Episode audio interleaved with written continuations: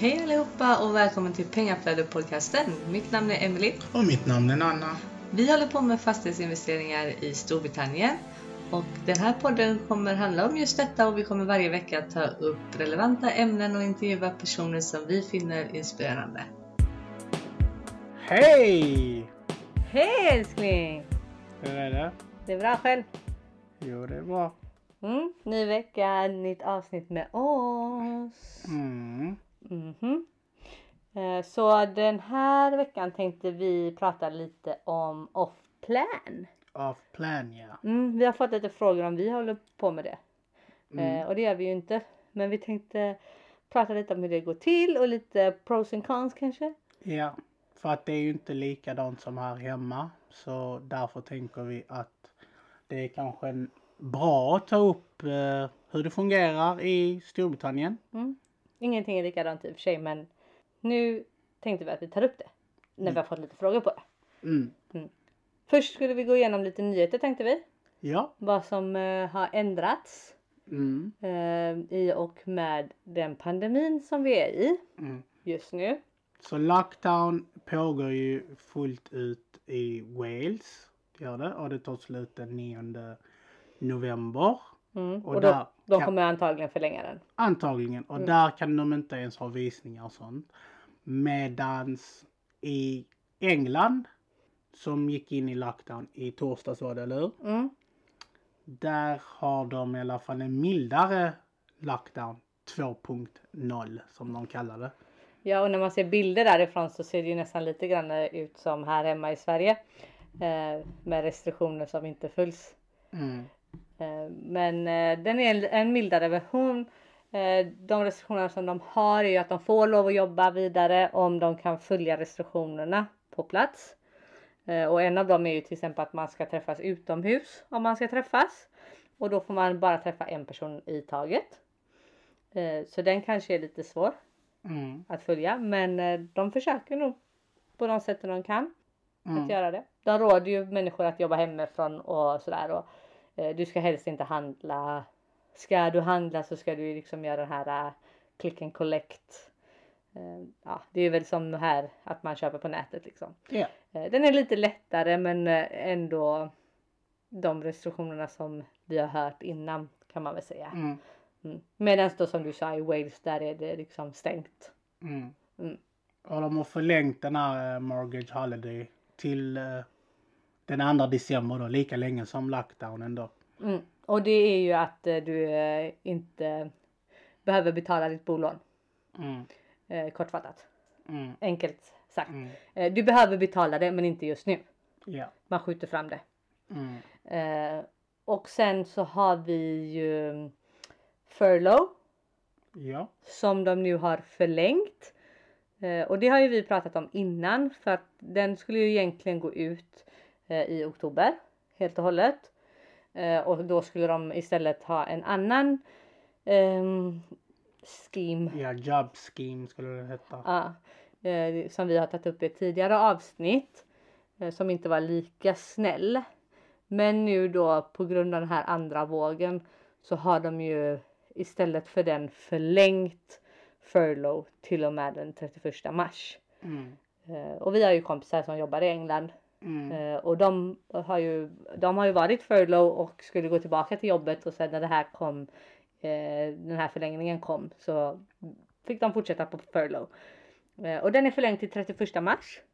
Eh, vilket är ju samma som stamp duty, stamp duty holiday. Mm. Den är ju också till den 31 mars. Mm. Så för oss investerare kanske det dyker upp intressanta saker efter 31 mars om inte de förlänger det igen då. Ja. Mm. För det pratas ju om att eh, de kanske ska förlänga det med på grund av att människor som inte hunnit handla. Men jag menar, även om de förlänger det så kommer det alltid finnas människor som kanske inte kommer hinna handla just då. Så jag tycker det är en väldigt dålig eh, argument. Förlänga stamp duty holiday menar du? Ja. Mm, ja, de snackar ju lite om det. Eh, det är så högt tryck på långivare att eh, folk inte hinner få igenom sina lån och sådär. Eh, men eh, vi får väl se vad vi uppdaterar det Mm. eh, på vad som händer. Just nu så är det furlough som är förlängt till 31 mars. Mm. Eh, vilket kanske skjuter upp eh, vi tror ju fortfarande på att det, det kommer komma liksom en nedgång på Mm. marknaden. Mm. Eh, men den kanske blir lite uppskjuten nu igen då På grund av det ja. på grund av detta. Eh, och sen så får man ju också se det liksom. Vi, vad pra, pr- pratar vi nedgång från priserna idag? Eller pratar vi nedgång från priserna i januari i år? Mm, För det har ju varit en boom under corona. Mm. Så ja, man får väl eh, bara ha det i åtanke liksom vilka priser man. Vi jämför med förra årets priser Ja. om man säger så eller januaripriserna Mm. eh, och sådär. Men eh, vill man jämföra med dagens priser kan man ju göra det också men de är ju högre. Mm. Eh, Det är ju upp till varje person. Sen så har de pausat ansökningarna för att eh, avhysa hyresgäster som inte betalat sin hyra. Mm. Så de får... mer eller hur? För den har ju varit, det har man ju inte fått lov att göra eh, under ett par ja, månader men, nu. ja men de släppte det och sen så nu har de gjort det igen. Exakt. Så Så det får man, man får inte kicka ut folk på gatan just nu. mm. Mm. Mm. Och sen ehm, så har vi ju hört lite rykten om att surveyors då blir tillsagda att eh, sänka sina värderingar just nu. Mm. Ehm, på grund av eh, pandemin och att det är osäkra tider och det är val i USA och det är, va- det är Brexit och det är det är en av det andra som sker i världen. Ja, mm, Eh. men det står också i deras sån här eh, månads, eh, alltså varför de eh, sänker de här Rick Surveyors. Kommentarerna står där man kan gå in och titta på deras Deras rapport. rapport, ja. Och de är ju människor de med, så, så är det.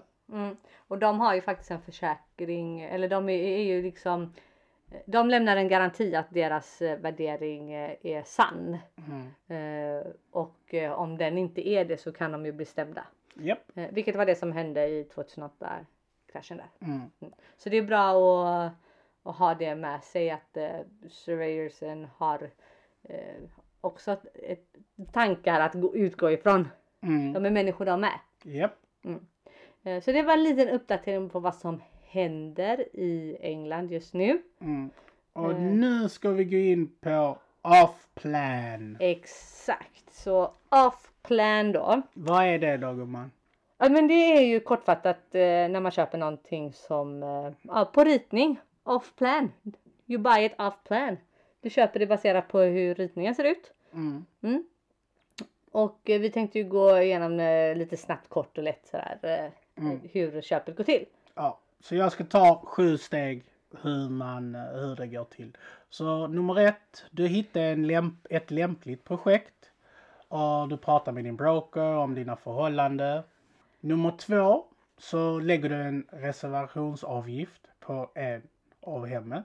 Och nummer tre, så skaffar du en solicitor som kan hantera dina juridiska grejer för husköpet eller fastigheten då. Mm. En advokat. Ja. Nummer fyra så ordnar du ett bolån. Din långivare ordnar sedan en värdering baserat på planer- planerna och specifikationerna för projektet. Nummer fem fyller du i pappersarbete. Ni byter kontrakt, betalar din handpenning.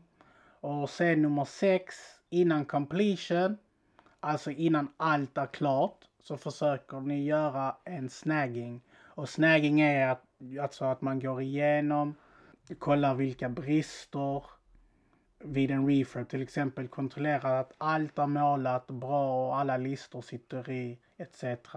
Mm. Och, Och, sen... det, och det gör du ju även vid en vanlig buy to let refurb liksom. En precis. snagging. Ja, snagging, precis. Bara kolla liksom så att det inte är eh, linjer i målningen eller vad som helst. Precis. Mm. Och så nummer sju, gör dig redo för completion. Du får vanligtvis två datum. Det är det datum ut, äh, byggaren eller byggherren förväntar sig att slutföra som kallas det short stop.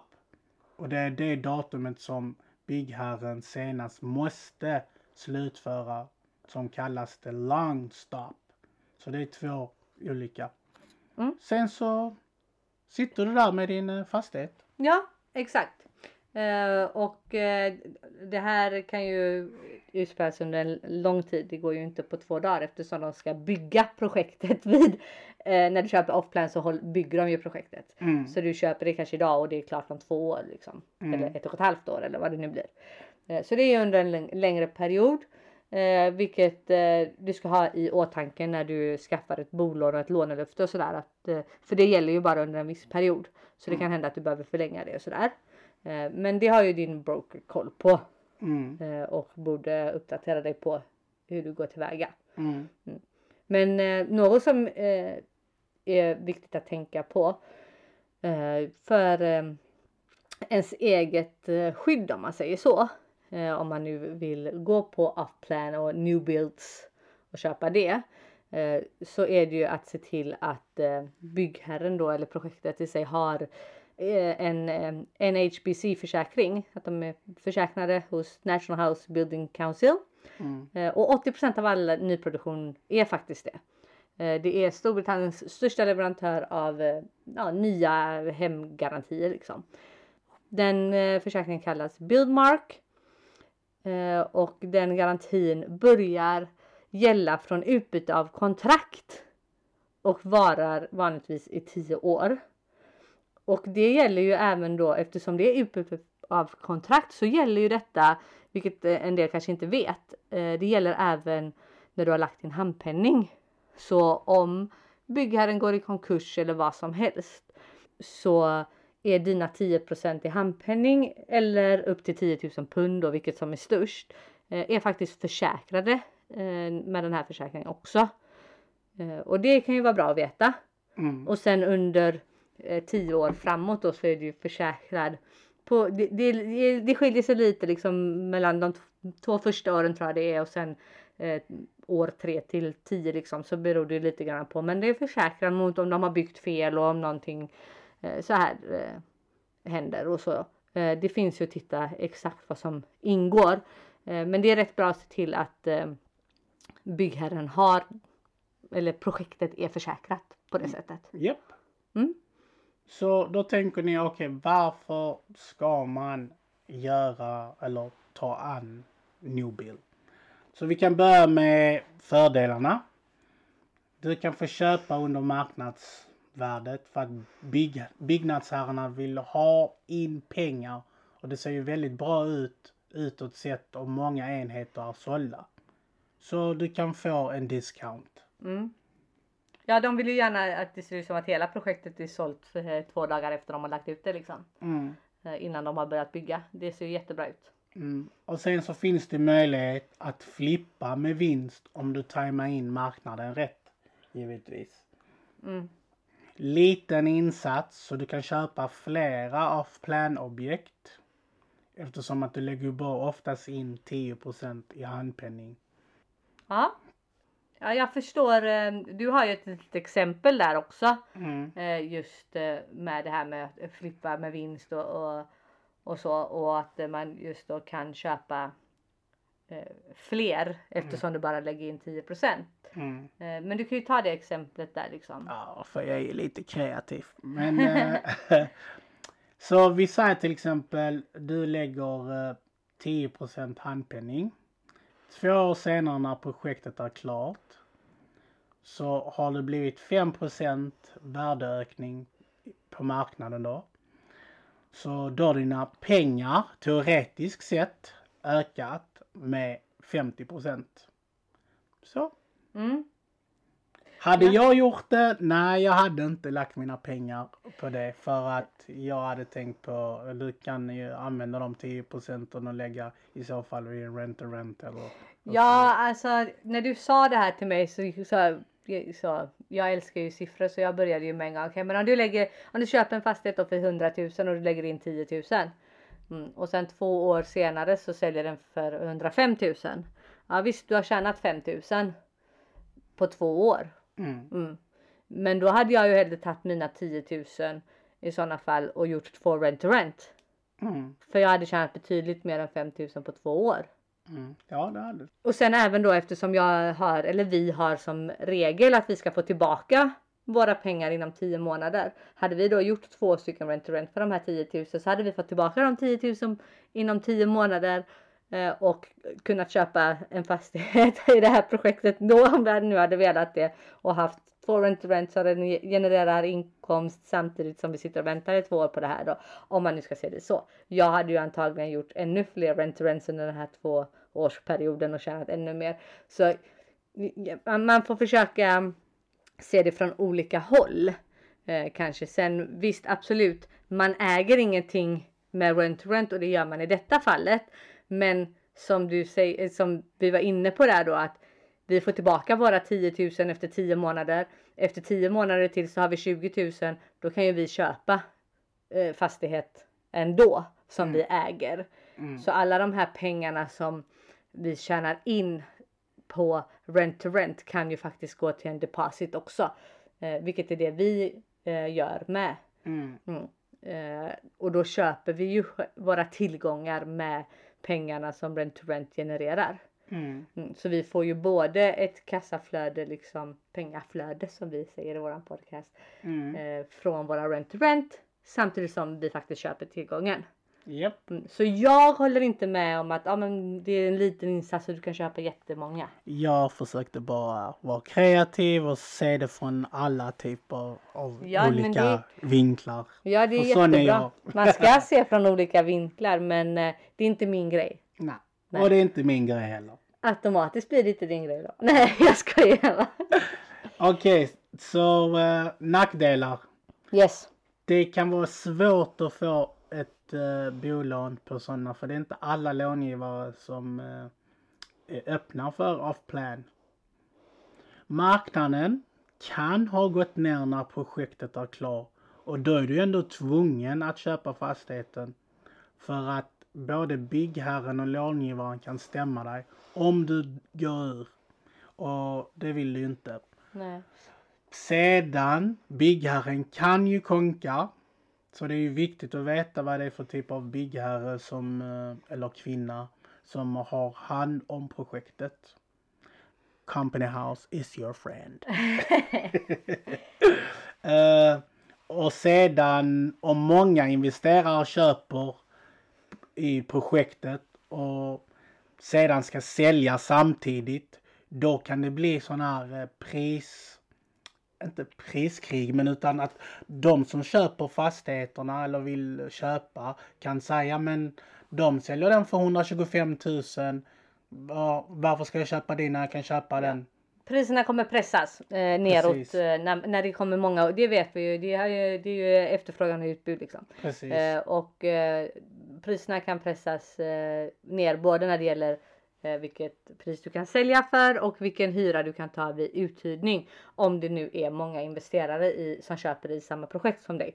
Uh, och det är ju basic liksom. Det är ju på grund av det som Nanna sa precis att lägger du ut tio stycken lägenheter som ser likadana ut i samma område, samma hus med, mm. sam med tillgång till samma saker. Uh, så då, då krigar du ju också mm. med nio andra som vill sälja sin mm. Eh, fastighet. Liksom. Och den, då, då, blir det ju oftast den som eh, säljer billigast mm. som får sålt först. Och det gör ju då att om någon går ner i pris för att få sålt sin fastighet. Mm, då blir det då, nya. Då blir ju det det nya, det nya marknadsvärdet för de resterande nio som ligger kvar. Mm. Så nästa person som kommer och köper kommer ju titta på men varför ska jag betala dig 5000 pund mer när min granne har köpt sin förra veckan för 5000 billigare. Mm. Eh, då kommer ju de tycka att de ska ha samma pris som mm. de fick liksom minst och då är det nio stycken som fightas om den här. Så det, det kan ju och, och, samma sak när det gäller då att hyra ut. Yeah. Att era hyresgäster eh, kan liksom eh, pressa er mot varandra helt enkelt. Yeah. Mm. Det blir lite competition. Japp, yep. så bra förklarat där gumman. Ja, jag försökte ibland. Ja. Mm. Så det var ju lite vad vi eh, tänkte ta upp mm. eh, idag. Ja, det var det. Mm. Och vi vill bara säga tack alla lyssnare som har lagt kommentarer och följer oss. Och röst, eller lägger um, votes, vad heter det? Stjärnor. Stjärnor ja. Mm. Mm, och betygsätter oss. Ja. Och nästa vecka har ni någonting att se fram emot. För då kommer Michael från Property Data. Och ni måste lyssna på avsnittet för att få en rabattkod på 50% som är, kommer från eh, Pengaflödpodcasten. Så den är specifikt från den här podden som man använder. Och då får du 50% de första två månaderna. Så ni måste lyssna på det.